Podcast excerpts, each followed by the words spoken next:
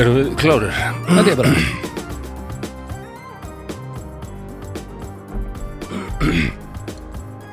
Ég fekk mér sopa af kaffi nú ætla ég að fá mér eh, smá vasopa Svo ætla ég að koma með smá heroin Já En uh, góðan daginn uh, Halló ágættu hlustend Lagstu, lagstu bara svona inn í þáttinn Veit ekki hvort þetta er Fólk er kannski að hlusta miðanótt og það passar ekki að segja góðan daginn Það er rétt Hvað hefur þá að segja? Hæ Kom, eh, meina það eins og ég segja alltaf Komið bara. sæl Já. Komið þið sæl ágættu hlustendur og velkomin í drauga fortíðar. Mhm. uh, hér talar Flósi Þorgisson og með mér er hér maður sem sér um að kynna sér sjálfur og kynna líka hljóðkirkjuna, það magnaða apparat. Jú, þakkaði fyrir flúsi Baldur Ragnarsson heiti ég Blessaður. Uh, ég er einn eh, æðsti upptöku klerkur innan uh, veggja hljóðkirkjunnar. Hljóðkirkjan er hlaðvar samsteipa sem að ég og Snæbjörn bróðum minn uh, hrindum af staða núna í mæ síðastlinu. Komin smá reynsla á þetta og við höfum ekki enn mist úr þátt. Og ég er nú ekki búin að rekna það nýlega en þetta eru orðnir, þetta eru ansið margið þettir síðan uh, í þessa, þessa hvað, fjóra mánuði sem þetta er búið að vera í gangi. Þannig að þetta gengur mjög vel en á mánudum eins og staðin núna þá er þetta fjögur, eh, fimm hins, eh, fimm núna, þetta voru alltaf fjögur hlaðvörp en nú er það fimm hlaðvörp í viku- viku alla virka daga kemur nýr þáttur í lotið á mánudum er það dómstæður á þriðdum er það kokkaflaki eirun á miðgudum er það við á fimmtudum er það snæpir tala við fólk og á föstudum er það besta platan nú er Þannig- föstudagur þegar við erum að taka upp og í, í dag þá fór besta, bestu blötu þátturinn loftið um hann Bob Dylan Já, ég ætlaði einmitt að segja það, það er föstudagur akkur núna. það er litla þægilega verkefni sem, sem ferill Bob Dylan er Við erum að taka upp að föstudagi 2005. september með minnir það að fyrsti þátturinn okkar drauga. Já. Það er farið loftið 27. mæ. já ok, Fjóni mánuð er ekki, ég minnst þetta svo, svo miklu lengra síðan. ég veit það það er svona þegar þetta er vikulegt Já, þetta er líka farið að telja þá núna tut- þetta er 2003 þátturinn okkar já, já. hann er vikulegt að því að þessir auka þættir hafa verið dætt inn hann að þetta er þetta, þetta er fljótt að satna saman Já, já, það er það. En já, þið getið tekað á bestu plötu þetta er með Bob Dylan, þetta er ekki nema 39 lóðarsplötur, hann að þið getið er um að gera slaka sér í lettan Dylan Guðminn almatur maður. Elsku Já, Robert fólk getur aldrei svona skiptist þetta í tvær fylkingar með Dylan, sko, sem er bara þólan ekki, sko. Nei, nei, En, menna, ég staldi erfitt að s- segja, ég hef mjög fáir svona artistar sem ég get nefnt og sagt bara þessi hljómsveit er ömurleg. ok Menna, ef ég get fundið allavega eitt gott lag með hljómsveitinni, þá er hún ekki ömurleg. Þá er búið að að réttlæta tilvist Já, mér finnst það að mörgu Já. leiti og bara, Já, hann er sem með Bob Dylan, mér finnst hann alltaf umulugur lagahöfundur en hann er alltaf frábær munnurpuleikari Það er, nei, það er, hann er engin hljóðfæraleikar, hefur aldrei verið. Nei, nei, jú, hann er Þetta er alveg fínt gí- gítarglamrið í Don't Think Twice til dæmis í gamla daga, en svo Já. þegar maður sér hann nú taka það í setni tíð, þá var hann ekki alveg að að negla það sko Nei, og náttúrulega munnurpuleikurinn jaðrar við mannréttindabrót sko. já, já Já, já, þannig að en hann þegar kemur að það búið til efni hvað er, þetta er ekki eðlilegt dótsund að þessu sko. nei, fyrir mér er hann það er textarnir einhvern veginn, sko. já, hann er sögumæður hann er það og bara, já, merkilegu ferill þannig að þið geti hlusta á bestu plötuna hefði viljið hell ykkur aðeins frekkari simmermannin Robert Zimmerman frá Duluth í Minnesota mm.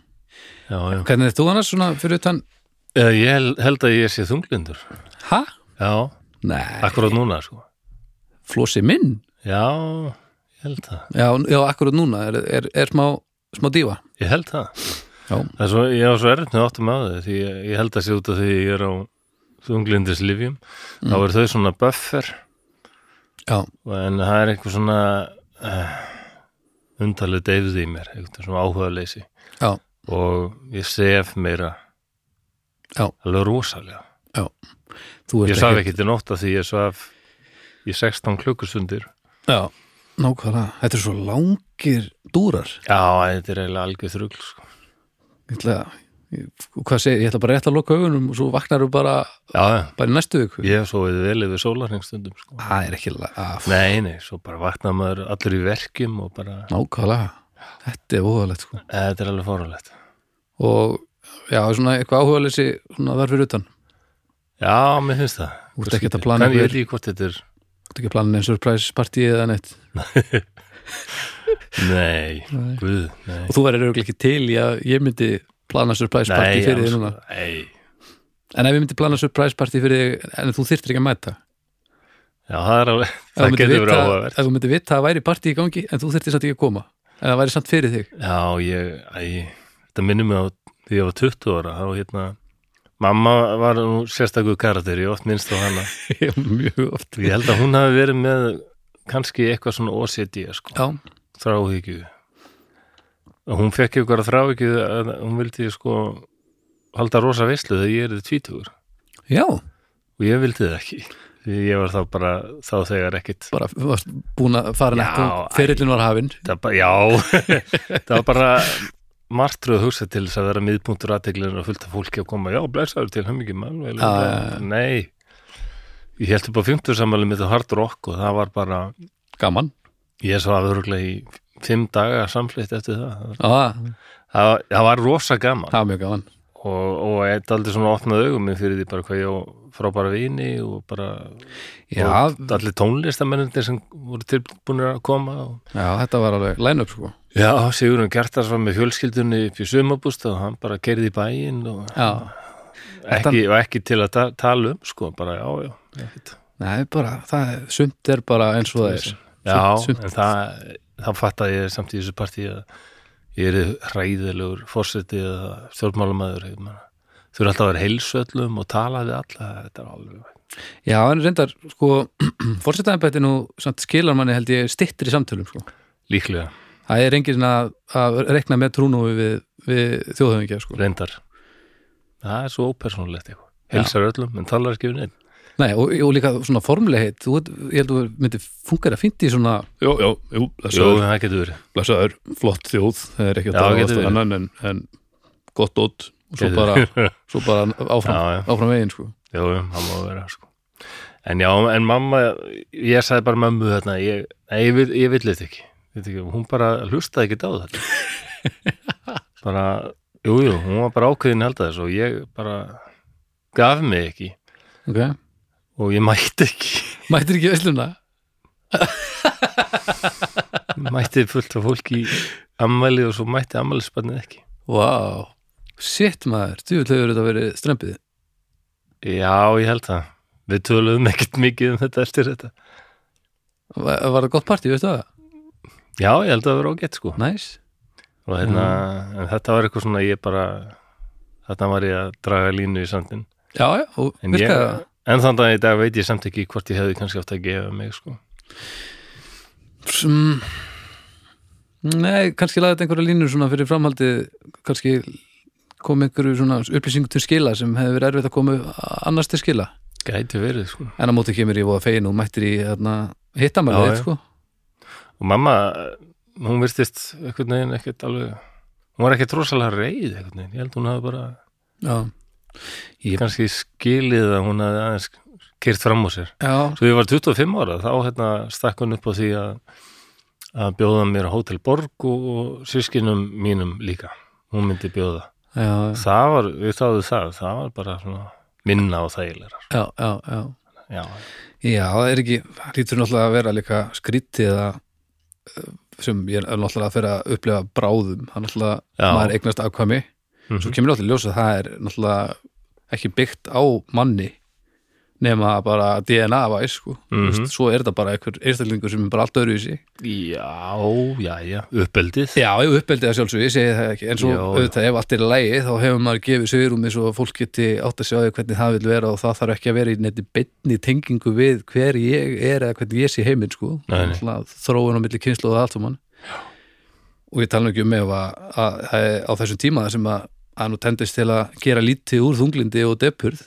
þá er held ég svolítið skrítið að ætla bara að segja já og amen þegar að, þegar að badni manns vill ekki halda veistlu sem að allir eiga vilja gera, skilur jú, jú, einmitt Ég held sem miklu, þetta- þú verður miklu betur settur núna, sko, Já, breytti tímar allir það ekki Þú helst upp á 30 samalið þitt á síðan tíma uh, Það er ykkur Já, veisla. ég held upp á 30 sammæli mitt, ég held upp á risastór 27 ára ámæli Nú, Já, af hverju?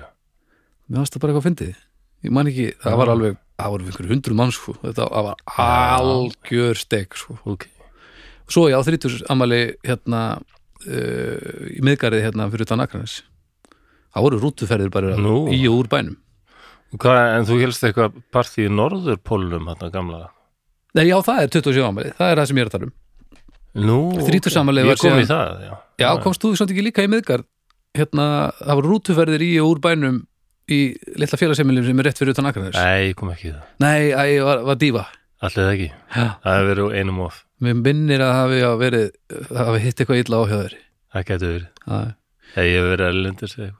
Já, já. Hérna blöðurum við bara eitthvað. Já, já. En annars segja, já, ég hef eitthvað lítið að segja, mér styrir leiðilegur núna þessu dagana. Já, ég, Eða ekki? ég var alveg hitti sko, þegar að þér finnst þú leiðalur það er yfirleitt rátt hjá þér Já, var það. það breytir því ekki að þér finnst það og þá er svo erfitt alltaf mjólk einhverja hamingi úr þeir sko. Já, þannig að það er allt í lægum mátt alveg leiðilegur, það er allt í góð sko. já, þetta er eitthvað tilvinning bara. Já, það er ekkit Þú það er getur ekki ég- allir verið skemmtilegir alltaf það er bara ekki Nei. Já, já, herðum, all right. Eh, Er eitthvað sem þú vilt viltu þá bara fara að slaka okkur inn í málið kannski? Já, ég er sem sagt uh, vel hérna eitthvað mál og segi þér frá því og Jú, þú jú. veist ekkit hvað ég er að fara að segja þér frá. Spurning hvort þú hefur heist um þetta. Já, það er stó- það er stóra spurningin Það er bara eitthvað sem mér finnst áhugavert og eitthvað sem er búið að gerast. mm og hérna, já, hefum við ekki bara að skella okkur í þetta. Ég er reyðbúin Já, flott. Við skulum þá bara setja okkur í stellingar, búa okkur undir að, ég veit ekki hvað við verum að búa okkur undir, að upplifa eitthvað eðislegt og verið rosa fíling og stuði. Þjóðháttið, yeah, nei, við erum búin að klúður þessu, þetta er búið. Svona er þetta Já, já, Takk fyrir og góða nótt já, já. Æ, hvað ég er leiðilegur. Ég er alveg reynd og beint, sko. Ég held að þetta er klarsist dæmi um það að þú hefur ekki hugmynd um hvað þú ert að gefa frá þér Nei, af því að ég hef hitt leiðilegt fólk ég, ég, hef, ég hef orðið fyrir miklum leiðindum og þetta er ekki það nei, sko. já, ok já, Það er öðruvísi já, og miklu verra já, Já, já, já, miklu, miklu verra já, ok Þannig að þú ert ekki á neinar og gera því Nei, nei, takk fyrir Nú það ætlum ég að loka augunum Já, og ég klári þetta mér svo Já, við skulum þá bara einfallega bara setja okkur í stellingar og búa okkur undir það að særa fram drauga fortíðar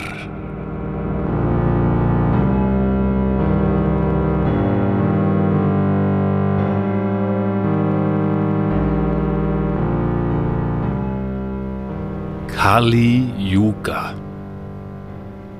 Ég finn það allt um kring Ílskan hefur heltekið veröldina.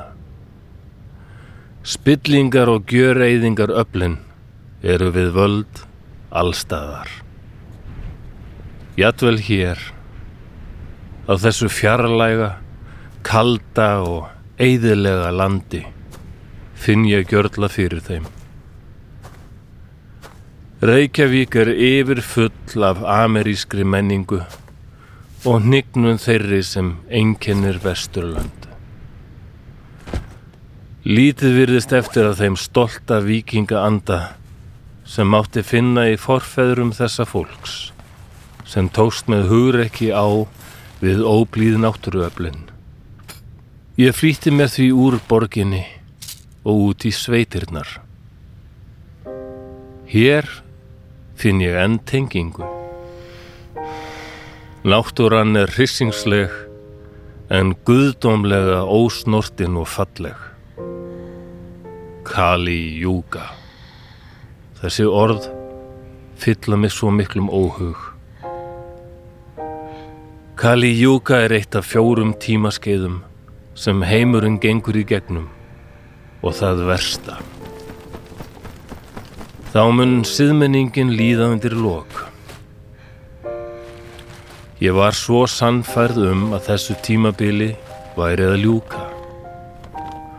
Öll höfðu risið upp víða sem virtust sporna gegn þessum hryllingi. Sérstaklega skein ljósið skert í Þýskalandi. Adolf Hitler virtist maðurinn sem myndi sigra djöfulinn Kali og eyðingaröflinn. Ég held að hann væri Visnú endurfættur en Þýskaland beigð ósigur. Hitler var vissulega mikill spámaður og boðberi ljós og frelsis en hann var ekki Visnú. Við þurfum að býða enn lengur eftir frelsaranum. Ég er þreytt á þessu, þreytt á þessari veröld. Ílskan og hnignunin er orðin svo sterk allstaðar. Hún loðir við manni svo slím eða drulla. Ég finn minna fyrir því hér í fallegum suður sveitum Íslands. Það er að vora hér, en samt er enn frekar kalt. Mér stendur á sama. Ég er í nýju íslensku lopapeysunni minni og kuldin trublar mig ekki. Vindurinn gælir við andlit mitt. Svalur, en indislega ferskur. Fuglar syngja og flögur suða. Hér er friður. Að minnstakosti ennþá. En brátt mun þessi ílsku slíkja leggjast yfir alla veröldina og einnig þessa fallegu sveit. Einmitt er ég hugsað þetta sé ég að sól er að nýga til viðar og myrkur að færast yfir. Það er tákrænt. Hjarta mitt er fullt af hrigð. Ég skríð inn í tjaldi mitt og leggst til hvílu.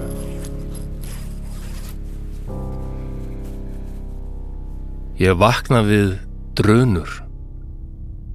Óðbóðslegur háfaði. Fyrst held ég að traktor eða annars konar vinnuvél væri beint fyrir utan tjaldið mitt. En nei, þetta er ekki vélarhljóð. Þetta er eitthvað allt annað. Ég lít á klukkuna. Hún er að verða sjö um morgun. Það er svo bjart að ég þarf ekki að kveikja á vasaljósinu. Hvað veldur eiginlega þessum bjarma? Ég skrýð út úr tjaldinu. Nú sé ég hvað veldur hávaðanum og bjarmanum. Eldfjallið sem ég tjaldaði ekki langt frá er byrjað að gjósa. Þetta er hrífandi og stórfengleg sjón.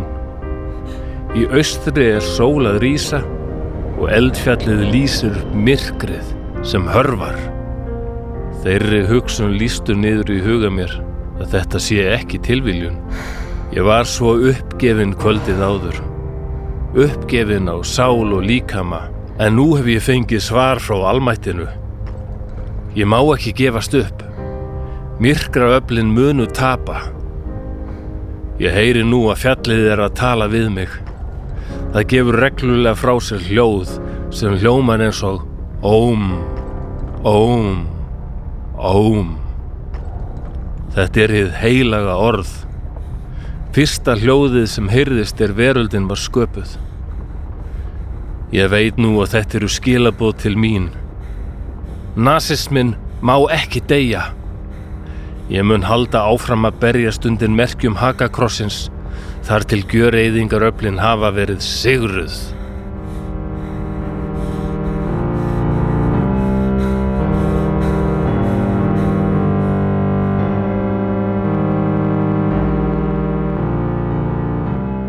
Þá er lestrinum lokið og við skulum bara opna augun og fara Já, hérna Það- hér Það spurnar Sipur og Baldri Ragnarsinni Já, það er sko Ég eh, Í- Ísland, Tjekk, Vesturland Jú, Eldfjall jú, jú, Suðurland, Tjál- Suðurland, já, já Vesturlandmenn Á- á- á- Dropa hana á, sko, já mm En, og, en Vistnú og Hitler Já, og, og hva- hver, frökkum djöfla síra, hver er þetta eiginlega?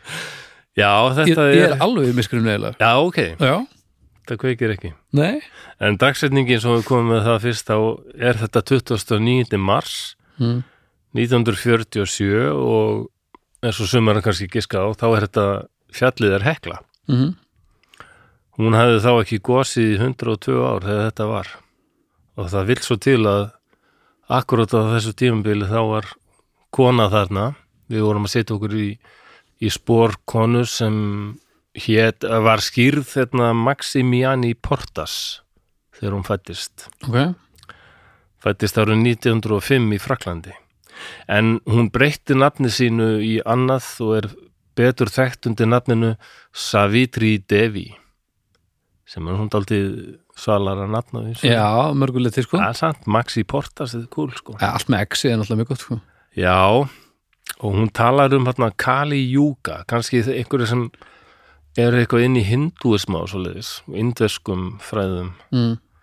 kveikja því, það er sko að ég fann mér þess að það grein á Wikipedia á íslensku um Kali Yuga. Ok, Kali Yuga er já, eins og kom fram þarna, þá er sko þetta er eitt af þeim tímabilum sem heimur gengur í gegnum fjögur tímabil sanga þessum indesku fræðum mm og Kali Yuga er við erum á því tímabili núna það er versta tímabilið um öllum það er hérna öld lasta, ódegða hnygnunar og spillingar þá er mannkinniðis langt frá því guðdómlega og mögulegt er og ég var að Já, ég hugsa um get að alveg- lesa bara beint hérna upp úr geta alveg kæft það, þú veist Wikipedia, það er íslensk Wikipedia síða Næs sem, af því að þetta passar ágætlinni í það sem ég ætla að tala um meira og þessa konu. Ok, Það er til dæmis sagt að uh, það einkennir þessu öld að þjóðhöfðingar verða óskinsamir. Þeir fara að skattleggja ósangjarlega og þjóðir verða fjárkúaðar og leiðtúna- leiðtúar álítið að ekki lengur skildu sína að upphefja andlegan göfga og þeir verða hættulegir heiminum. Og fólksflutningun milli landa verður yfirdrifin, fólk mun sækjast eftir því að komast til landaði leitað æti og betra lífi. Þetta er mikilvægt að taka til þessu, held ég. Mannleg samskipti þeim hnygnar rosalega fjegraðgi og heiftaka völdin uh, innan sögja kapitalismi Mm. og nafnleysi enginni samskipti manna, uh, samfélagsmiðlar, ég, ma maður sér alveg já, já, að því að það er mikið talað um þetta já, svo við segja bara beint út þá er sko, nýna sýstar í dag eru nefnilega meira inn í þessum málum en maður heldur sko og rétt síni verður hunsuð, það verður tilgáslust ofbeldi, losti og hórdómur hljóta félagslega viðtekningu kynferði og kynlíf verða síðast sem miðpunkturinn í lífi fólks syndir munu aukast og heiður hættir að þrýfast Eh, fólk mun misnota vímugefandi drikki og efni, það er farið að leifa meira og meira í þeim efnum Lærumestarar mun ekki lengur bera virðingu fyrir nefnendur sínum nýja nefnendur fyrir lærumesturum og andlega leiðsögn mun verða smánuð, smánuð já. Samfara óbeldi og dauða verður fátækt áberandi allstæðar. Menn munu eiðilegja náttúru, það er nú mikið talað um það mm drepa tré, engin virðing borin fyrir dýrum. Það er líka daldið í deglunni núna, sko, já, já veganismi og svona. Og já, þetta er sem sagt á þessari íslensku Wikipedia, Wikipedia síðum um Kali Yuga. mm En svo segir aðeins frá þessari konu, hún fættist Maxi Portas í Fraklandi á 1905. Mhm. Mammenar ensk, pappinar og grísk ítalskur. Og hún var alveg flugreind. Okay. Ok. Bara var mjög fljóst, fljótt ljóst að hún var sko langt á undan af, af jafnaldrum sínum Ok, í þroska og greind. Hún átti á endanum eftir að næla sér í tvær mastersgráður, klára doktor sitt gerði í heimsbyggi og talaði fjölda tungumála og meðal annars kom hún hérna til Íslands og lærði íslensku og bara gætt, gerði það já, gætt allavega lesið hana og skilið ágætlega, sko. Já, Það er semst alveg þrumugreind. já það er bara það að þegar fólk getur komið og það er ekki barn og, og tilengar sér íslensku, það er eitthvað sem að ég það er voða lítið hægt að segja við því þá, Já. þá ertu með einhverja gáfu, húsnáðagáfu þarna einhver stað, sko Já, það er engin spurning, en hún var þrjósk, viljasterk mm. og fljótlega þá hún, hún var bara mjög ung þegar hérna hún var ofsalega heltekin af dýrum og velferð þeirra og gerðist grammetasæta þegar hún var, ef mann rétt bara 7-8 ára Já, sem, sem hérna í byrjun 20. aldar var nú daldið annað en nákvæmlega núna sko. 1912 bara eitthvað já, það bara, ég er hætt Vá, og hún virðist hafa oft tengt bara meira við dýr heldur en mannfólkið já, já. það minnist aldrei á mann sem hún átt eftir að dyrka já rosalega nákvæmlega Adolf Hitler Já, sem var græmmetisæta og hann eh, það er tilvitnun í hann þar sem hann sagðist oft tengja miklu meira við hunda heldur en menn það væri eiginlega betri skepnur morguleiti sem er alveg rétt en það gefur þér samt ekki frýtt spil að að reyna að þurka út heilu þjóðfélagsópana Nei, þú veist, slaka það bara á og, Já. og, og, hittu hundiðin og þegiðu en þarna já, já, en hún ef við setjum okkur inn í þessar kenningar þá, þá einhvern veginn, það meikar þetta allt rosa sens hvað Hitler var að gera og allt alveg bara pældu í því ef hann hefði hann hefði getað bara klappað hundi í staðin fyrir að, já, þú veist, síklum B Já, já. slaka það bara á Nei, þetta, það er endar og þetta er, mér finnst þetta heillandi að því að ég er nú lesið mikið um setni hinstöldin og þriðja ríkið og svona og Mm. maður spyr sér náttúrulega hvað af hverju að standi í þessu og til dæmis þetta trillingslega sko þegar þeir voru að hörfa frá Pólandi og, og fara frá Ásvits og Treblinka og þessum stöðum öllum mm. að standa samt í því að vera að taka allas að fanga með sér já, að reka þá líka af því að það virtist sko það er svo augljóst einhvern veginn að, að, að stríðsreksturinn var eitt en þetta misjón þetta, já, það virtist ráða öllu sko. það, það var bara prinsip Já, mál, það var prinsipmálið sko. það er alveg rétt útrýming gyðinga Mhm. og bara verndun hins germarska kynstofs og reyna að berjast gegn slöfunum og svona já.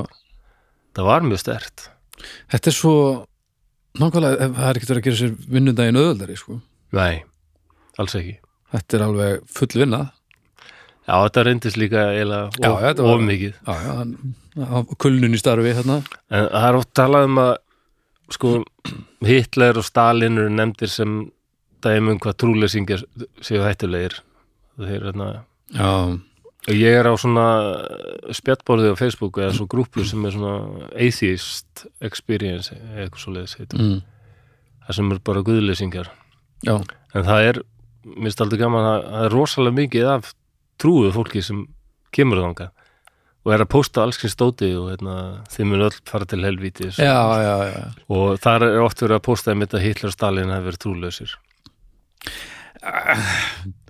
ætlar að segja um mér að Stalin hafi verið trúlaus Já, þó hann hafi kannski ekki farið þessa, nákvæmlega þessa leið ætlar að segja um mér að hafi ekki verið neitt svona form á einhverju sem hann hafi kannski verið með smátt svona til einhver til að, að setja framar öðru það hann hafi verið frekar trúlaus heldur en Hitler já, en hann alltaf þegar þú ferð að bóla kafi einhverju svona félagslegar hugmyndir og gjörsanlega ekkert annað kemst að mm það er ekkert annað en bara trú Nei, nei og kommunismann er oft líkt við trúabröð sko. hann er, hann er nákvæmlega ekki neitt annað þú veist. Nei, nei, uh, hugmyndafræðin er jú vissulega ekki, ekki kannski af öðrum heimi en fólk lætur eins þegar þeir eru konar að bólakafi í komunismann sko. já, ég hef lesið mikið um þessa íslensku kommunista hérna já, áður fyrir sko, þetta var ef fólk vogaði sér eitthvað að gaggrína þá var það bara það er margt að svipað, sko. snúa af trúni sko, að snúa af stefnunni sko. nákvæmlega, þetta er stjórnmálaflokkarnir þú veist, þetta er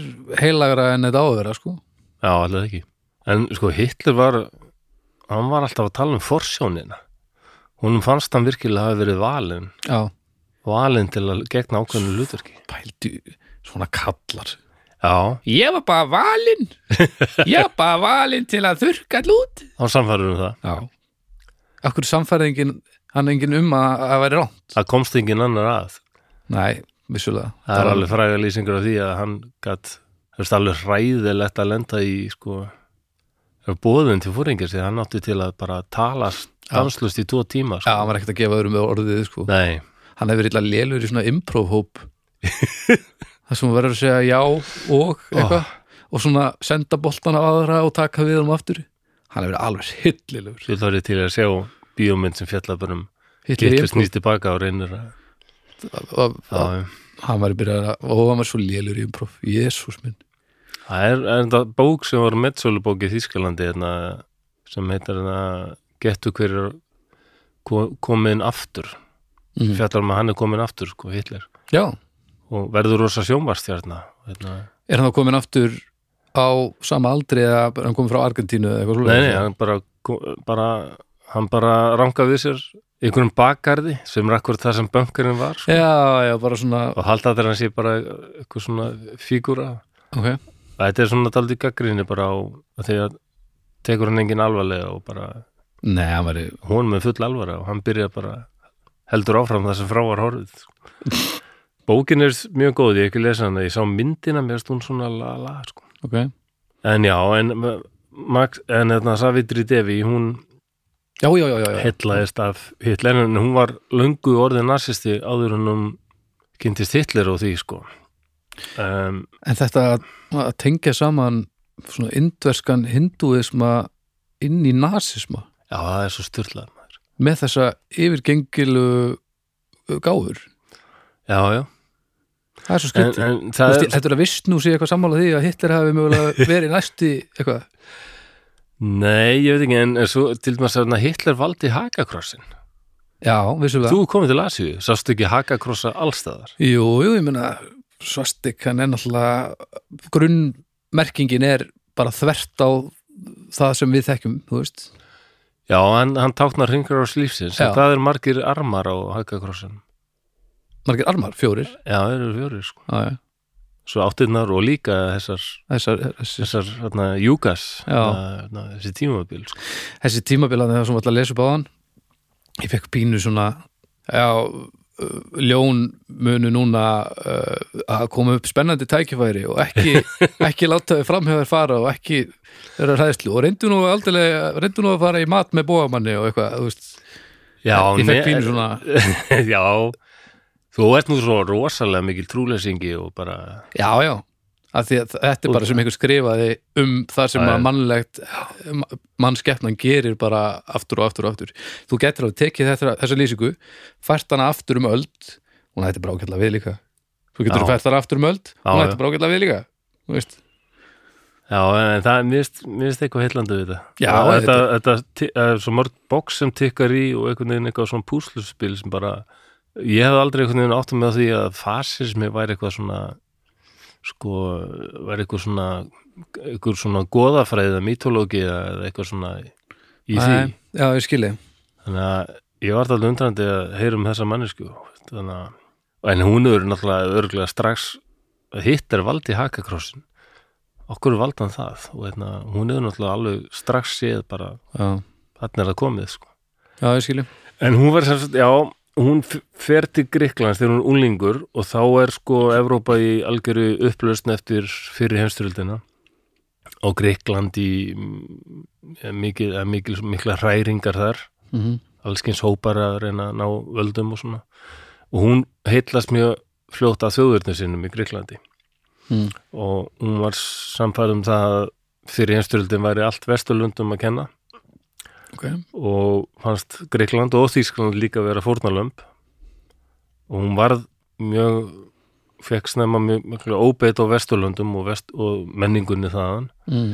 vissuleiti fannst mér þegar ég var að lesa þetta sko, ég sá alveg fyrir mér hérna verðinda gerlag við nokkar, já, myndust á í hérna breski drengir Já. hernum á Ísland bara svona eins fúlumóti já, já, það er alveg þetta sama sko bara amerísk lámenning og svona Nákvæmlega Kúkaleikriti í húsunum og já, ha, bara einhver hundlegileg leikriti í já húsunum ykkur júðaleikrit og Jésus drama tíkin í þessu liði vinur. Já, þetta var miklu pólar hann og koma þess inn á það kannski eftir að manni finnst þér svo þetta sé að koma allt aldrei tilbaka sko.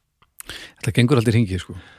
Já en Savitir Devi hún fyllt steitni mikil óbeitt á ákveðnum hópi sem hún var í sam, sem var samfærðum að væru beintengdir við ill öll og, og innu að því að sundra þjóðum frekarna sameina Ok sundraðum innanfrá þú mátt giska einu sinni kannski Já, það geti að verið gýðingarnir okkar já, Já, hún sá það greinilega þeir dreifa sér um allt inn, inn í þjóðir sem þeir stílar ekki, ná völdum og, og sundraðum. Og þetta er nákvæmlega það sem sko, já, hvernig á öfga hægri menni eitthvað, mm. segja George Soros, hérna ungverski gýðingurinn, sé að vinna að í dag. já, Að reyna að fylla Já, Evrópu já. að flótamönnum og bara sundra þjóðuríkjónum og hérna, já, ha, leipöllu upplausn og já, já. Að þegar- að Savitri, hún var alveg glemt og þegar ég var krakki þá var bara fasismi, þetta var eitthvað sem bara, það var setna í hefstöldinu bara, já, já, bara búið. já, Og hérna, núna er maður farin að heyra þetta orð oftar og oftar og oftar. já, þetta fara að poppa upp í ótrúlegustu, kannski ekkit endilega ótrúlegustu löndum, en bara á svo mörgum stöðum, sko. Já, já. Þetta byggir náttúrulega bara á hræðslu, Já, en við hvað er fólk hrætt? að missa það sem það telur vera sitt í hendur annara. Já, ok. Já, ég hef aldrei fattað þetta, við þurfum að varða þetta íslenska menningu, segja sem við þjóðverðnis sinnar. Ég, við verðum það ekki að losa okkur við kaffi og pitsur og Já, mér finnst þetta bara, Bob Dylan líka. Menn, þetta er Varðveitum- allt erlend menning. já, bara verð, var þetta um íslenska menningu, við skulum bara setja niður hérna, Já. skulum innrækt okkur þangur til við verðum bara einegð. Banna öll hljóðferðir nema langspil. Já, f- já, og svo bara komist aldrei áfram í Eurovision fyrir vikið. Nei, nei, nei. Uh, við náttúrulega tökum alls, alls ekki þátt í Eurovision, af því að það er náttúrulega Nei, nei. frá satani. Já, þetta er aldrei erfitt líf, sko. Þetta verður bara svo djöfull leðilegt. Okkar menning er bara, hvað? Hver er okkar menning? Segðu, segðu mér það. Jú, skemmti, mér finnst skemmtilega matamenning en ég voru að Ég fegja held ég hef sagt áður hérna, það er svo augljóst og margir sko fræðingar hafa bent á að sem er íslendingasöðunar það er svo augljóst að, og stjórnlunga að, að höfmyndandi þar hafa lesið eitthvað sko erlendrið Já, ekki sér talað um biblíðinu og alltaf. já, nákvæmlega. já, já. Það er líka bara svo fjarr, fjarrir mér að vilja ekki kynnast öðru hvernig fer, eh, þú veist, það vill það vill svo til að ég mögulega fættist og hitti á þann tíma sem að var mögulega bara með sittni skipunum þar sem að er gat fengið að ferðast út um allan heiminn án Mm. þess að vera annarkvort eiga bara að vera beinlínis að rústa heiminum bara kólubrins spór og það allt saman Mm. svo náttúrulega pláan kom inn hann að nú, þú veist að það er ekkert útlitt fyrir að við sem að fara að ferðast að sama leveli ég er bara voru svolítið fegin að hafa fengið að fara á alla þessa staði og hitta all, allt þetta fólk og séð alla þessa menningar heima já, að því að ef ég hefði setið hérna heima á Íslandi alla daga frá fæðingu þá væri ég, heimskur nei, ég væri bara en það er það sem það þýðir, heimskur já, eitthvað já, sem er það. alltaf heima á þessir já, hún meinar, fer aldrei inn eitt út fyrir túnfótin Vá, ég heldur pælt í þessu en það er nefnilega, þetta er svo frábært orð heimskur, og, sem veit þetta er, ekki meira heldur en bara það sem er í og, og veist, ég samt garðinum þetta þetta sínum. er val sko, en ég vil velja það að kynnast fleiru já, og ég vil að, að þetta breytist hérna heima líka, ég vil að þetta þróist og, mhm og, og sé ekki bara alltaf svona einfaldari og, og, og útþyntri útgáfa af sjálfur sér, þú veist bara rista þessu upp í þessu Já, já. Ég er ekki rættu við, ég er einhvern veginn ekki, ekki rættu við þetta. Nei, það er- þetta er svo mikil, mikil að ég veit það ekki, ég, ég verð alveg brjálæður, við getum að tala um þetta endalust Já, já. En hún, hérna, já, hún verður náttúrulega mjög, en hún, Savitri, hún verður náttúrulega um leið og narsismi og fasismi fyrir að túku upp í Evrópu, mm. sem er sko, já, Hitler tekur völd, en þeir ná völdum 33, en, en þetta er miklu eldra, sko, hérna, um, man ekki alveg nákvæmlega hvenar narsistaflokkurinn er stopnað, en það er líklega svona í kringum 1919, 20, eitthvað svo. Já, Þetta er mjög flótt upp úr fyrir heimstöldin, það var svo mikil upplausn og, já, já, já og veitna, verður svo kenning ríkjandi í Þýskalandi að Þýskaland hafi ekkit tapað á vývellunum heldur bara verið svikið heima fyrir af einhverjum sósaldemokrutum og tóti og hmm. Ítalir stofna fasistaflokk Mhm. hvernig var það, 23 eða eitthvað svo, 22-3 þannig Já, að þetta þetta byrja með flótt þarna Momentin nota þarna það Já, er, já.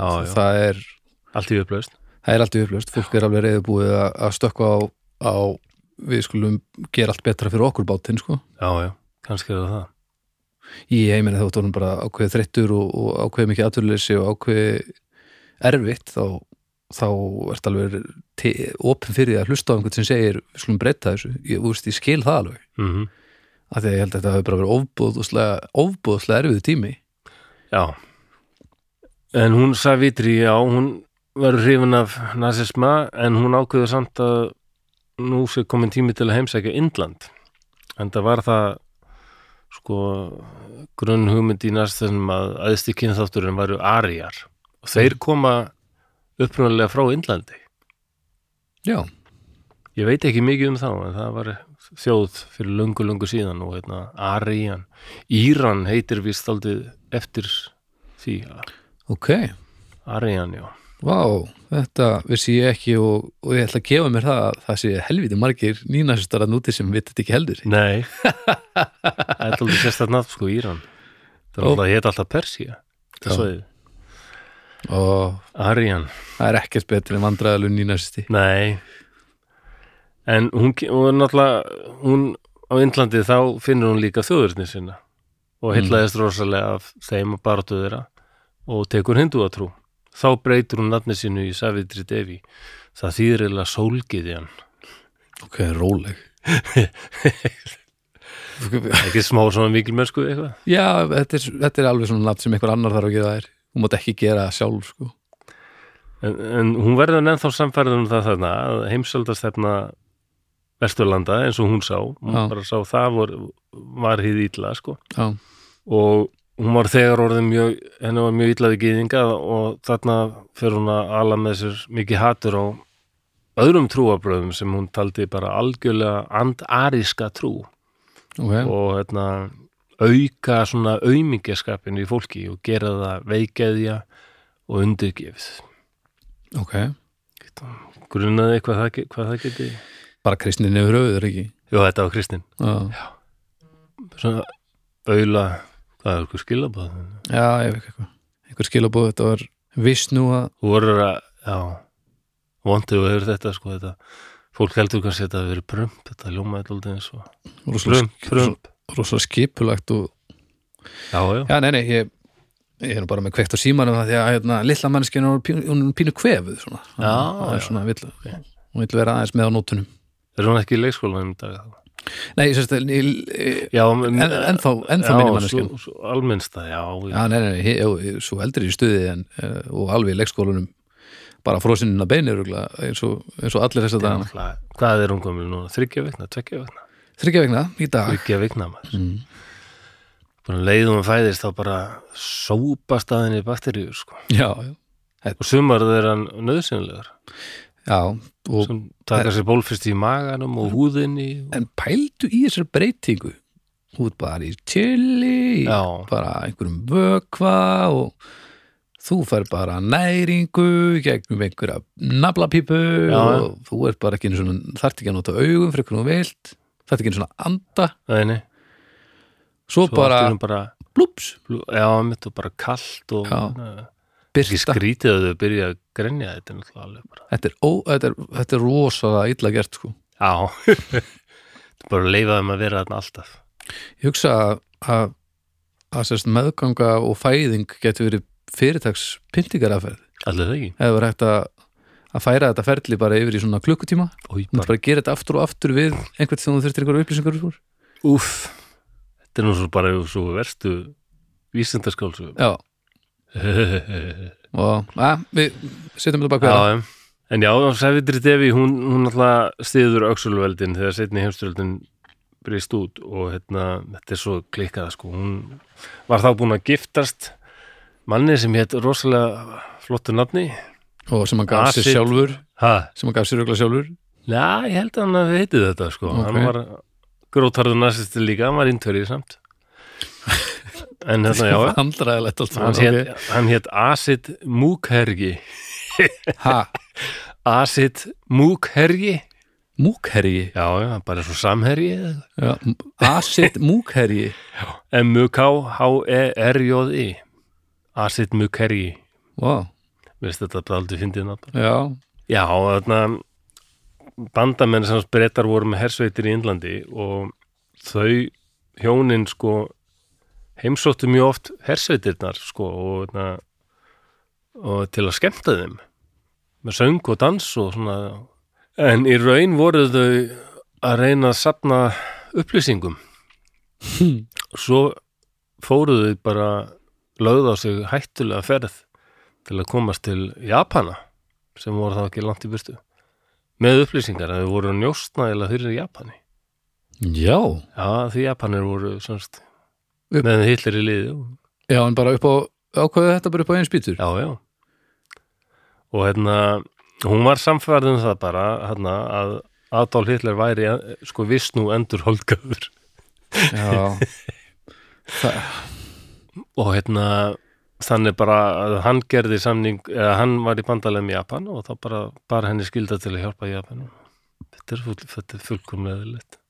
hvað er í- Djöfull, Það er ég þurfa- undarlegið tímar. Tjöfull lang- vantar þig tilgang þegar þú þegar þú ert komin í að hitla sér, hitla sér viss nú þá vantar þig eitthvað að gera sko. Já, ég get ekki, sko, ég hef sagt frá því áður í þessum þáttum hérna, ég var í jóka og, og mér varst alltaf svo þægilegt að horfa á Visnú, hérna, Já. Er þetta ekki viss nú? Ég get aldrei mun. Jú, en ef þú svona lokar augunum því núna, sér, blái hérna guð með hendurnar. Já, Já, já. Hérna. lokar augunum og, og sjáðu núna viss nú fyrir þér og settu svo svona litla mótt á hann hvernig ert að fíla það? Æ, nei, ég, nei, ég tengi ekki alveg. Nei, það, það er að því að gera það engin Nei. nema fröken sólgiða, sjálfskipuð sólgi- sólgiða Erfitt með að sjá mig fyrir mér í jókatíma hérna í stöðu, stöðu spámannsins eða eitthvað hérna. Já, og svo, svo, Og svo bara Hitler horfandi á mig hérna. Já, Nákvæmlega. stattu þig. og svo verðum við bara að opna þriðaríkið Guðmengum, nei, eða í jókatíma að vera alltaf spilað bara eitthvað Sýta Ísland ubyrta sem lalem Nákvæmlega. granatenda ratatata- og slökun Það, mér finnst þetta ekki passa henni fannst þetta passa alveg svona rosalega vel Já, já, auðvitað og hann viss bara núna væri viss nú endur hálkaður og það á að gerast hann kemur aftur viss nú, hann endur hálkaðast og Ok. bindur enda á Kali Júka þessa öld sem einkennist að fláræði ílsku, spillingu og endanum vunnið þessu gereiðingar öll eiginlega bara eigða sér sjálf mm. og svo kemur Visnú og þá kemur Gullöld og það er bara allt ferlega totally awesome sko. Já, það er bara blóm í hárun og fimmur eitthvað. já, þetta, já, þetta er kannski verið svona já. mér finnst þetta svo ótrúlegt að einhverjir svona nasistar eru með svona hippafíling einhvern Nákvæmlega, þetta er þvingaðasti hippafílingur sem ég veit Þetta er alveg voðalegt já, nýjaldar nasismi sko. Þetta er illa skrítið Hitler í hör bara á allir góðir eitthvað. já, nema hitlu tapar Já, hann gerði það vissulega það er bara á Japan og allt bara lagt í rúst og bara bandaríkin bara þrammaðna yfir Japan og, og Já, fengur bandaríski hermenn kom alls þar að gefa tyggjó og bara, já. það er hræðilegt Ég held- já, þetta var skellur fyrir sólgiðuna Já, og hún var svo niður miður sína og hún bara verður bara að fara langt í burt og ákveður að fara til Ísland sem enginn heimsótti árið 1947 bara, bara sem eitthvað túristi og bara hún er hratnað í lok mars og er bara að þvælast um með tjald og fyrir einskjara eitthvað tilvílun Það var hann með mannin með sér hann Nei, hún var, nei, nei og það bendir ekkert til þess að þó þau hafi verið gift ímislega sem bendir til þess að þau hafi verið meira vinir heldur en Já, það var engin stemmari, þannig Nei, og en eins og hún hafi annarkvort bara ekkert verið spennt fyrir kynlíf eða hún hafi bara mögulega ekkert verið með spennt fyrir karlmann Já, já, það er svona allskins sem er nú kannski ekki það fyrsta sem þú vilt segja við næsta vinniðina Nei, Nei. kannski ekki Það er al- það hafa verið svona sögursætnir um það sko. mm. Þannig að hún fer til Íslands og hekla gerist segum það að hughrista hennar nýjaldar nasista sem var rosalega. Já, takk fyrir ekkert hekla Gat það nú verið Hvað sagði Já, hann að, ég- að fjallið er satt? Vá, vá, eitthvað Þetta er eitthvað sko, ég man að ég var ekkert um Danmörku þá var ég með strák þar sem hérna var, hann var hérna hálfur reyndveri eitthvað. mm Hann var ekkert um hann í ból, það var svona rosa, eitthvað tákn á bólnum og ég bara, hvað er þetta? Hann sagði þetta er óm. Om, og hvað, og hvað er það sagði hann. Sagði, það er þetta hljóð sem heyrðist fyrst þegar hérna, veröldnum var sköpuð sko. fyrsta hljóði sem heyrðist bara. þá er eitthvað tákt fyrir það og hana, það er þetta óm sem henni fannst fjallið verið alltaf að segja Om Hvaðan hérna Hvaðan koma þessar upplýsingar? ég held þetta sé ég sem svo kallu vetaritum ég ég veit ekki mikið, um þetta. ég er ekki Nei. með fróður um Indland, það er kannski nú getum við kannski treyst á hana, Þetta er, svol, æðislega umræðahópin þetta er svolítið svona uh, þú veist, hvað heyrist þegar að tríða fellur í skóginum og það er engi til að heyra það Já. þú veist. Á- á- heyrist hérna om Já, þú veist, er það, ég veit það ekki Ná, kannski En Þetta er kannski meira hugmyndafræði heldur sem heldur en að- að hitta á hljóðið ég gerum ekki fyrir því Já, já, ég, engin veit Nei. Við erum náttúrulega aldrei alveg upp í því að það hefði heyrst bara mikið bang Já, The Big Bang, stóri kvellur stóri kvöllur sko.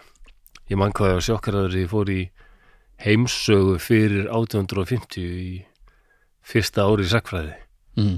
Þetta var bara hálf önn eða þetta var bara ein önn eða, jú, ein önn, hálfuðu vetur Mm. og það stormar hérna bara einn kennari og hann byrjar hérna bara að tala um já, það er náttúrulega stóri kvellur og hérna fyrir 1850 ok, ég held að myndi nú kannski byrja svona þegar Jésu fættist Já, eða svona, nákvæmlega nei, nei, það er bara stóri kvellur Já, við erum að já, hlaupa þessi yfir þetta, þetta er bara einun svo bara shit maður, það var rosalegt Já já, já En já, hún hekla stappar í eina stólinu hana. Já, þannig að hún bara sér bara barðan er henni er ekki lokið sko. þannig að hún fer beint til Þýskalands og prentar bæklinga og þar sem þetta, upprisa ariðana er bóðuð og hún dreifði þessum bæklingum alltaf og þegar fólk tók við bæklingunum þá sá hann bara hæl Hitler Vandræðilegt Já, veistu það var svona rétt eftir já, þetta er kannski 49-50 sem Já. hún er að þessu það fellur ekkert í mjög góða jarði í Þýskalandi Hryllilega vandræðilegt Já Og það endaði með því að hún var fljótlega handtekin Nú, Já já hér Var hún ekki hissa? Bre Bretar bresku herna á síðvöldin hérna, því hún var eiginlega ennþá svona skráð bretti sko þannig að Mm. bretar handtakana og henni finnst þið fangelsi og þar bara hittir hún reffilegan mann sem bara heilsar henni og bara, já, sæl, hans heiti ég hún heiti, ég heiti Savitri Devi á, sérstatnamn, segir hann hvað, ég heiti Hans Ulrik Rúdel segir hann en Hans Ulrik Rúdel er, er hérna, hann var hann hefur ekki út bók, ég vil lesið hana hún er alveg styrluð sko Ok já, það, ef eitthvað var nasisti þá var hans Ulrik Rúdel nasisti ah, alveg stjörnubrálega næsti og það kemur í ljós í bókinni sko Bara, Ok, hann var stúkaflugmaður ok og það er engin hermaður þjóðverið í stríðinu sem fekk jafn margar orður og hann Engin, nei, hann fekk mest M- veistu hvað það er mikið? já, hann fekk hérna til dæmis hennan hérna járkross Járnkross, með eh, gulli og laufum og eitthvað svona Nú, eitthvað, eh, ég held að hann Bara- sé svo eini sem fekk hérna æðstu, Járkrús æðstu járkrossin Aha, Já, hann var líka brjálaður á þessu stúkaflugul sinni og hérna s- skaut sko, hann var aðalið því að skjóta skriðtreka í tællur já, já. og hérna eh, þegar hérna var samin friður sko, þá hann hafði verið tekin til fangað bandamönnum sko, ok en rússar heimtuðu bara að fá hann að mann, Hvað, fór bara notan? hann á að fara í fangilsi og okkur, þessi Já. helvítis þegar höttuðu hann alveg og í bókinni sinni þá er hann mikið að tala um sko, að hann aldrei skilið sko, okkur Vesturlönd voru að berjast við hlið rússa, það er bara óskiljanlegt sko. þegar Vesturlönd áttu náttúrulega bara að berjast með þjóður það var svo auðlust mál Já, Já, Nei, er það- Já, er það satt? nei, ég ætli það Nei, hann, Það er svo ótrúlega lýsingar að því sko að hann var alltaf, alltaf stór slasaður sko, hann var skotið niður yfir Rússlandi og tekið til fanga en náði að, að plata rússana sem tóka til fanga og svo flúðan alveg og var hérna sundur skotin allir tætt nú, Já, já, og hérna og heimtaði samt bara að fara aftur upp í flugulina aftur og aftur og aftur og hann var þannig svo frægur að það átti alltaf að banna honum að fljúa sko Göring var margótt búin að banna honum að fljúa og hann bara neitaði bara já Hvað það notan bara einn króma? Einhvern tímann kemur hann til Berlínar og, og Göring bara mjög reyður segir bara þú bara, þú ert orðin of frægur og það að missa þig, það er þið bara svo mikið áfall Já, við bara þurfum því í PR bara Já, og bara ég skipa þér bara veitna, og, og hans hann fyrir bara beint í fóringin bara Göring fór að balna mér að flúa, það gengur ekki þannig að Hitler bara já, já, ég, ég baða neila um að gera, segja þér þetta sko. Adolf, veistu Það bara er- það þá bara er ég hættur það. ég er bara hættur í lúfta Þannig hittir bara, æja, allt í lagi, ok, þú mátt fljúa. Og saga segir Göring hafi verið alveg bara brjálaðin að frétta Rútel var aftur farin að fljúa og hringdi í hittir maður, hvað er í gangi maður, ætluðum við ekki að láta hann hérna? Æ, þú veist hvernig þetta er, Hermann, ég bara get ekki sagt nei við strákinn. Ó, Hann lýsir svo svona í sögunu. Já, já, þetta hefur verið illa súrt allt saman. þetta er alveg sérsta tólk. Já, En Rútel verður fyrir miklum áhrifum af henni, sko. Bara, vá, þetta er bara hlustar á hana alveg og hún bara, hún finnst þetta meika algjörðan sens sem hún er að segja, sko. Auðvitað. já, já. Hann hafði séð þetta líka. Ég meina, Hitler var bara komið til að frelsa hinn germanska kynstofn og arja, arja og einmitt breytar til dæmis eru arjar, okkur voru þeir að berjast gegn okkur. Það var bara út af því að þeir voru undir áhrifum frá bandaríkunum sem er stjórnað að gýðingum og bla bla bla og þetta fjall allt Já, já, já, er ekkert mála að að klára dæmið og setna meir þá náttúrulega losna þau í fangelsi og og Rúdel bara kynnir, hann hefur sambandið alla narsistavinni sína sem búa út um allan heim Argentínu, Spáni og svona Já, var hann með bara með, Já. með, bara listan á, re- á reyðum Já, þeir heldur þáldið það var svona network í gangi sko. Já, það Já, hmm. fyrir um SS-menn stopnuðu samtök sem voru nú alltaf svona óopinber en þar voru þeir í því að svona greiða götu hvors annars og stuða svona Já, já, frímúrar pínu samtök finnur SS-menn já. Já, en þannig að hún, núna gætt hún ferðast bara við um heim og, og bara átti gistingu út um allan allstæðu. Krátsurfa hjá nazistum Já, Þetta er alveg verið neða þannig að couchsurfa, sagði ekki Já, ég, couchsurfa, seg, ég ætla að segja krátsurfa Ég ætla alls ekki að segja krát couchsurfandi og næstistum, það er alveg rétt. Ég eh, sá það á urraði hópnum, það var ekkert með byrt hérna, að fólk vildi kannski heyra eitthvað um mann sem hétt Otto Skortsenni sem var SS-voringi. mm. frægur fyrir að bjarga Mussolini úr fangelsi, hann var búin að fá vinnu hjá manni sem hitt Franco og var Mm. NSR á Spáni Jú, jú þannig að hún fyrir Spán og gistir hjá Otto Skortsenni og svona og, og hún var mjög mikið í Fraklandi hjá mannesku sem hitt François Dior sem var frænka Christian Dior sem var svona tískumóguls Já, en sumir halda að þau, þær hafi verið meir en bara vennulegi vinir kannski. já, já, já, já, já. en maður veit ekki um það Nei, kannski bara illartungur, rætnartungur hvað sérðu? kannski rætnar tungur bara eitthvað, Kannski er þetta bara það um lítlum narsistan Já, er þetta ekki bara eitthvað svoleiðis er ekki. Svona reyna að ná nazistunum á, á, á þeirra já, Ná þar sem að þeir finna fyrir því einsagan segir endar að það hefur verið daldið erfitt fyrir eh, vinnennar og ekki síst kannski François Dior sko Mm. það var daldið vesen eitt daldið erfitt við hann að Savitri Devi að hún, hún var ekki mikið fyrir að baða sig Hún var svona, Var hún ekki? nei, hún var vist daldið í að sleppa, sleppa því alltaf Nú? eitthvað sem eh, mögulega skemmti á endanum þetta Já, já samband við tískumókulsfrænguna Þar fór, fór hinn reyni stopp fyrir lítið Já, þetta er sérstætt sko Af, dál, á undarlegan hátt og tengist Savitri Devi ekki bara Íslandi í gegnum heklu heldur að sögt þá er hún vist jörðuð við hlið mann sem heitir George Lincoln Rockwell hefur hýrt hana? mm, Já, ég hef nú heyrt þetta nafn en ég veit hún ekki þú hefur hlustað og veru illuðdóttur Já, hún hefur nefnilega verið með þátt um þennan mann já, þannig aldrei aðteglisverðin uh, maður sko, hann var hérna leiðtói bandariska nasistaflóksins já, já, já, já, já, já. hann var fóringi í hernum og veist, alveg, þrjusu hermaður og Já. ræfilegu karlan með þessar undalugu skoðanir Já, akkurat 1972 þá er hann einmitt staðsestur á herstöð sem heitir Keflavík Airbase Aha. Já.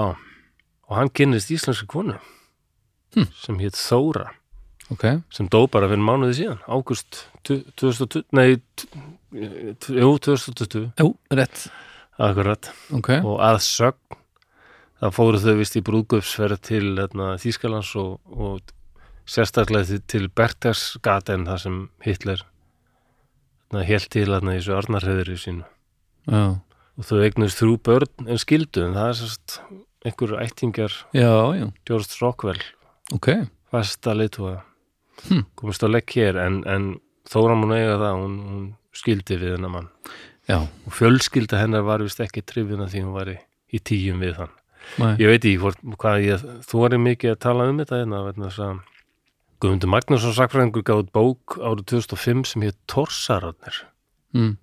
og átti að vera um afkomandi Tors Jensen en hérna í þeirri bók var, í fyrsta upplæðinu var vist kapli um hjónaband Þóru og þessar George og hérna en setni eigimaður Þóru, þetta maður Björgólu Guðmundsson hann var íslenskur aðtapnamaður og Mhm.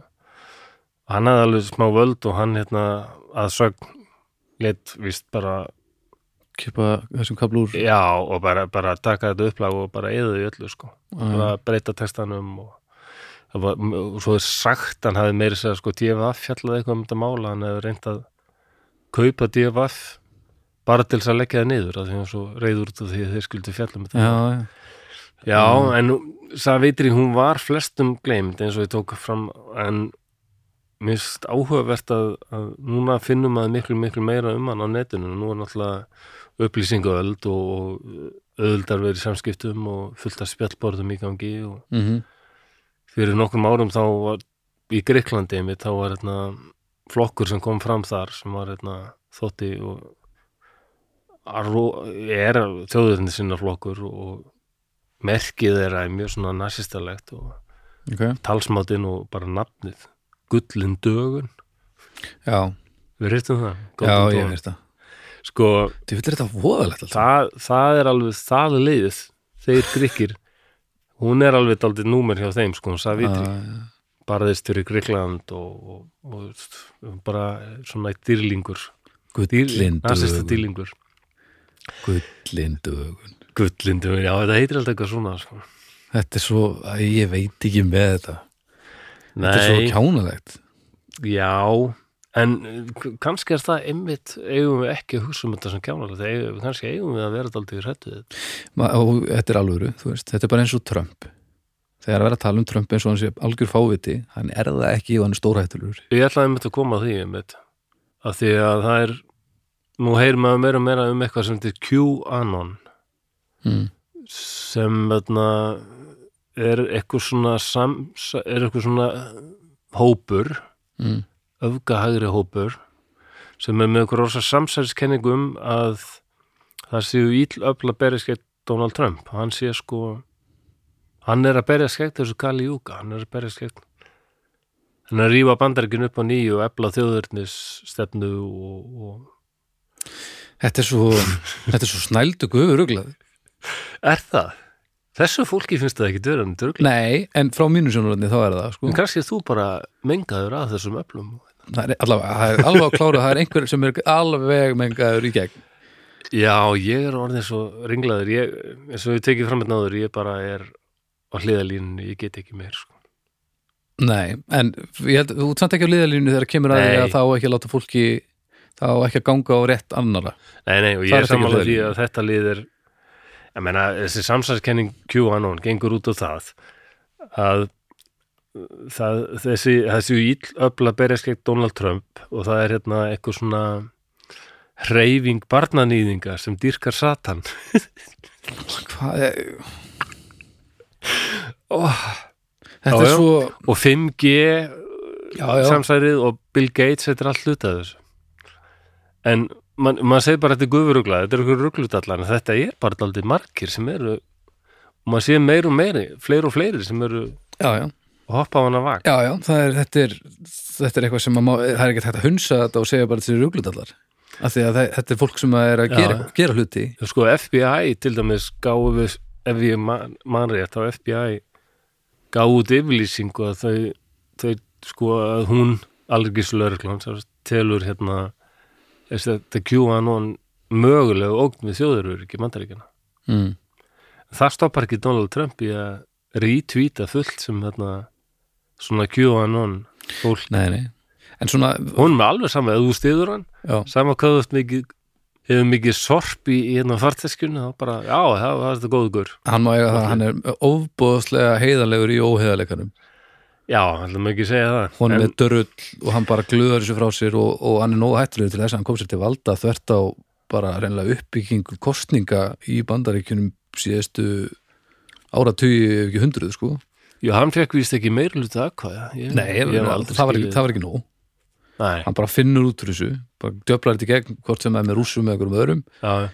og það er ekkert hægt að segja að svona einstaklingu sé bara rugglutalur veist, hann er auðvitað með einhverjar gáfur og hættulur þannig að ég, og svo lætur hann bara fjölmiðla ringsnúðast með því að segja Já. eitthvað nógu glórulust í, í, í fjölmiðlum og, og, og, og gerir hluti á meðan sko menn að Hitler var ekki tekinn alvarlega sko þegar honum var leift framan af. þegar var ákveðið að gera hann að kanslara sko, þá var hann maður sem hérna von Papen til dæmis og, og Hindenburg sem var hann var forsetið í skoðans mm.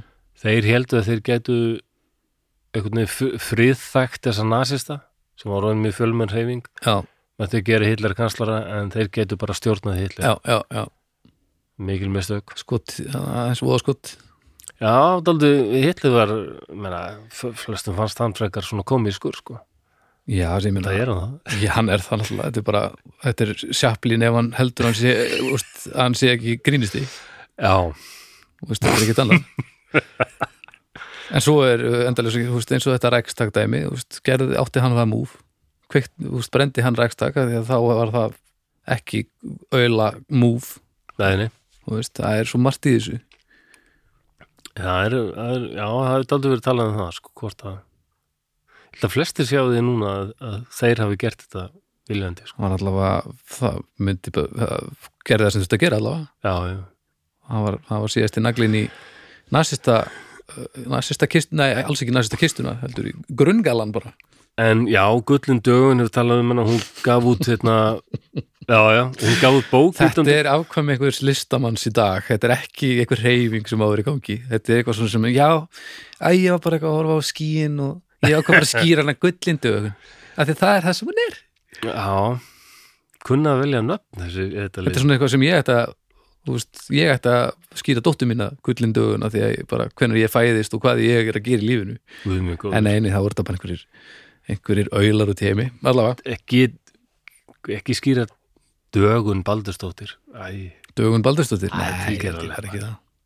það ég, fer- Það er bara geir þrúður eða döði sko. dögun Baldursdóttir heldur síningu á kjærvalstöðum vikuna, já nei Nákvæmlega en og 19, hún sko eh, hekla hefur þessu rosa áhrif á hana hún bara fyrir Þýskalands að dreifa meðum og hefur sækja nasista út um allan heim og, og svo gefur hún bók 1958 sem heitir Eldingin og Sólin Hætti þessu Djöfursis frasa fólk Eldingin og Sólin Eldingin og sólin og það, þar er þetta eh, þessi kenning sko að Hitler hann, hann hafið þráttur allt verið svona avatar eða svona einhvers konar bóðberi vissnú sko Ba- Já, já, já. og visnú, visnú og flus svona síðum sem eru langt til hægri og spjallborð og svona þá sem maður ennþá talað um þessa mi- vitnaði þessa bók sko ég var að leita á okkur podcastum og slóin Savitri Devi Mm. og þá kom eitthvað upp sko og ég byrjaði að hlusta og það var bara eitthvað gaur að tala hérna, bla, bla, bla, bla, bla, bla.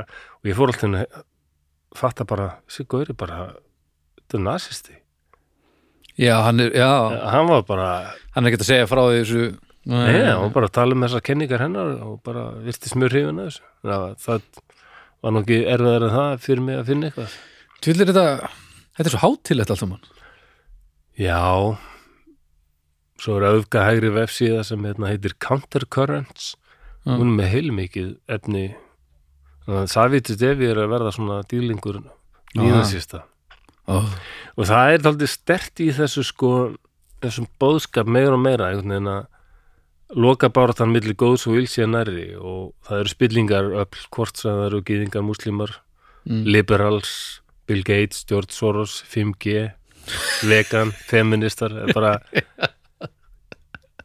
að ég menna örgulega transfólk líka sem eru svona að reyna að riðla öllu Já, já, kerfi og skapa Já. glundróða akkurat og mér finnst þarna þetta QAnon lið mér finnst þarna þessar kenningar þetta, þetta passar alveg við hann að savitri Já, já, Já, ég lakka til að setja myndaðinni hérna, inn í umræðihópin hún Já. er með svo flotta eyrnalokka aha, það var hakakross eyrnalokk aha, Já.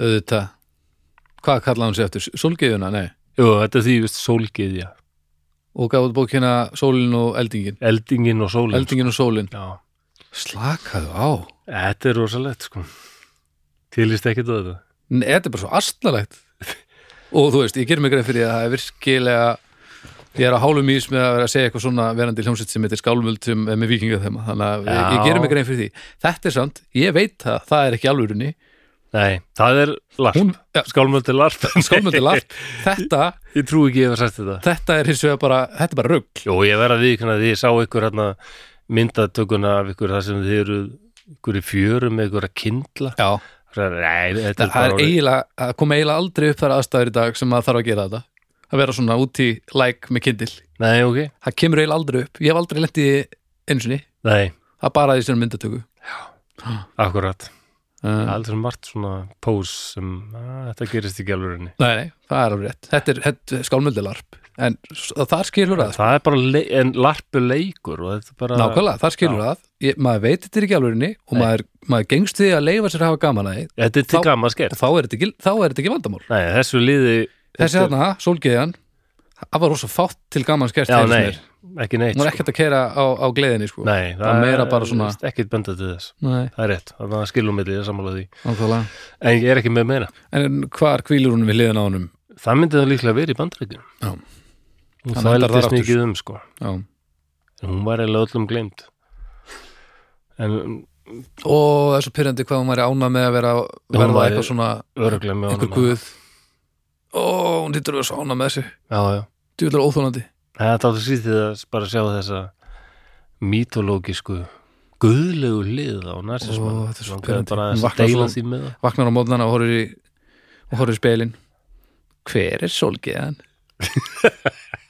þú Oj, er sólgeðan og þetta er svo pyrrandi lið Já, meðan hún var að setja haggakross reynarlokkan í sig nákvæmlega og hver er sólgeðan? nei ég spyr bara Ó. hver er sólgeðan? já Oj, þú bara. ert sólgeðan Hakakross hér og Hakakross hér En hún, Mwah. ekki tala eh, hún er látin, hún sýnast hver fer ekki í bað? hún sýnast svona virðingu, hún er látin hún ekki tala svona látið fólk já, Mér mér finnst þetta veit svona það ekki furðulegt eins og hvað er alltaf að tala um villu hitlir menna ekki aðeins að gefa sens að maðurinn er dáin sko, það er bara... já, þetta er alveg hörmulegt Ah, Ég veit sem bara hér með nota tækiförð að gefa öllum sem eru að hlusta sem finnst ég algjör villisingur að þið megið bara halda fram að segja það eftir að ég er dáin sko.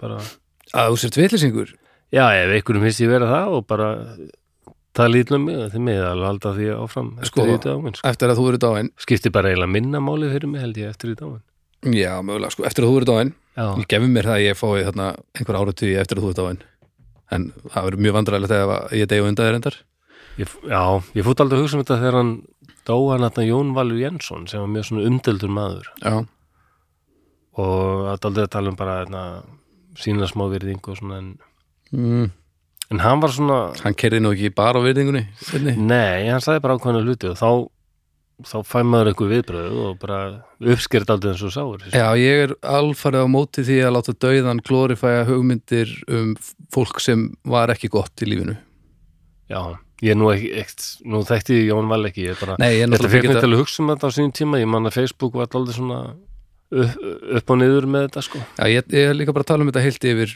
Ö, Mér finnst dauðin ekki Dauðin á ekki að búa til betri útgáfa af einstaklingum sem var að deyja nei, það á ekki að gerast ef þú Nei. varst drullumelur í lífinu þá ertu líka drullumelur sem þú ert áinn já, já það er bara þannig Og það er bara allt í lagi þetta böndið er ennþá tent böndi í Mm, Þótt það sé nákvæmlega. dáin, sko. Þú veist, út ekki allt í hennu fari ekki bara eitthvað frýtt spil Nei, nei. orðstýr deyr aldrei þannig ég var alveg eftir að hlæja því hvað þú varst þunglindur þegar þú ert dáinn sko það, ég gef leiði til þess já, það er gott um að gera Yes. Herra, þetta, var, þetta var óvært Já, er það ekki? Mér Jú, finnst- finnst ég- þetta aldrei óhugavert og aldrei ógveikandi og þetta tengir þetta aldrei við nútímann svona. já, ég já, ég, þe- ég þetta er ekkert ég vissi ekkert af þessari konu það er Nei. bara þannig Ok, Þó- þó að hérna, þú varst búin að fara í gegnum þetta allt saman ég hef ekki hugmyndum hana ég, það hefði eitthvað verið minnst á hann í umröðuhófnum, svo ég. já, já, ok Einhver er þetta kannast við hana. Þetta var áhugavert. Já. Ó, hætt að segja það. Það er gott að þeirra. Það var ekki meira og ég þakka bara fyrir mig. Já, uh, við minnumst á hljóðkirkjun aftur það eru mánudagar þá eru það dómstagar og við mælum nú með því fyrir ykkur uh, hlustendur drauga fórstíðar að kíkja á síðasta, síðasta þátt af dómstegi þar sem að hún Birna þess, þetta, er, þetta er ég, Haukur Viðar Alfersson og Birna Pétursdóttir en svo það vill svo til að Birna er stödd fyrir norðan hún er að æfa upp og nýbúna frumsýna reyndar leiksýningu þar um, hérna, Hvað er hún leikstjórið eða leikar? eh, leikari Já, hún er að, að núna sína síningu um hérna á Berklahælinu í hérna fyrir norðan eða fyrir já, verið að fara í gegnum þá sögu, dagbækurnar og það allt saman e, þannig að þið getið tjekkað á því en, en fyrir vikið þá er hún sem sagt fyrir norðan við tókum eitt þátt svona yfir netið um daginn en svo bara eh, átti hún ekki til döða stund og fyrir til að bjarga því þá er það okkar, okkar ástkæri Flósi Þorgesson sem allar að að koma í hennar stað það var sem sagt þátturinn núna síðasta mándag já, já. þannig það að var þið rosa getið- þáttur það var svaka þáttur það var Já, já. farið víða þannig að tekja endal á því svo er á þriðutum, það er kokkaflakki í eirun það er miðgudar í dag draugar fórstíðar á morgun fimmtudegi þá er að snæpjur tala við fólk og föstudegi er það hvað flúsi? Besta platan maður. besta platan, Dóttar Arnar Rekkjars Tórótsen og Snæbjörn Ragnarsson og Baldur reynir að miðla málum akkurat svona rúlar þetta viku Já. eftir viku og þetta gengur ægilega vel og bara takk fyrir að hlusta og, og við minnum líka á að ef þið hafið tök á að fara inn á uh, staði þar sem við getum gefið okkur stjörnur og einhver review og eitthvað ef þið nennið að gera það þá er það frábært fyrir okkur Svo erum við að finna einna sterkast fyrir því að það sem er að láta hljóðkirkjuna stekka svona rætt, það er fyrst og fremst það að fólki sem er að hlusta er að segja vinum sínum frá því að þetta sé til mm. það virðist vera bara það langsterkasta langsterkasta afli í því að hverju þetta er að stekka svona hratt og, og, og dafna svona vel þannig að við þökkum ykkur annars vegar fyrir það og byggjum ykkur endilega um að halda því áfram af því að þetta fer bara eins og eldur um sinu Mhm. nema, þetta er góður eldur, rjóma eldur Æðislega við tökur ég sagði rjóma eldur Eh, Rjóma eldur í sinu já, wow. já pínu ógislegt Hvað varstu að reyna að segja? pínu svona eins og einhver samtök sem sólgeðan hefði geta Já, rjó... eldurinn á rjómin já, Já, já, herri, þá er þetta bara komið í dag Orra, já, þetta takk fyrir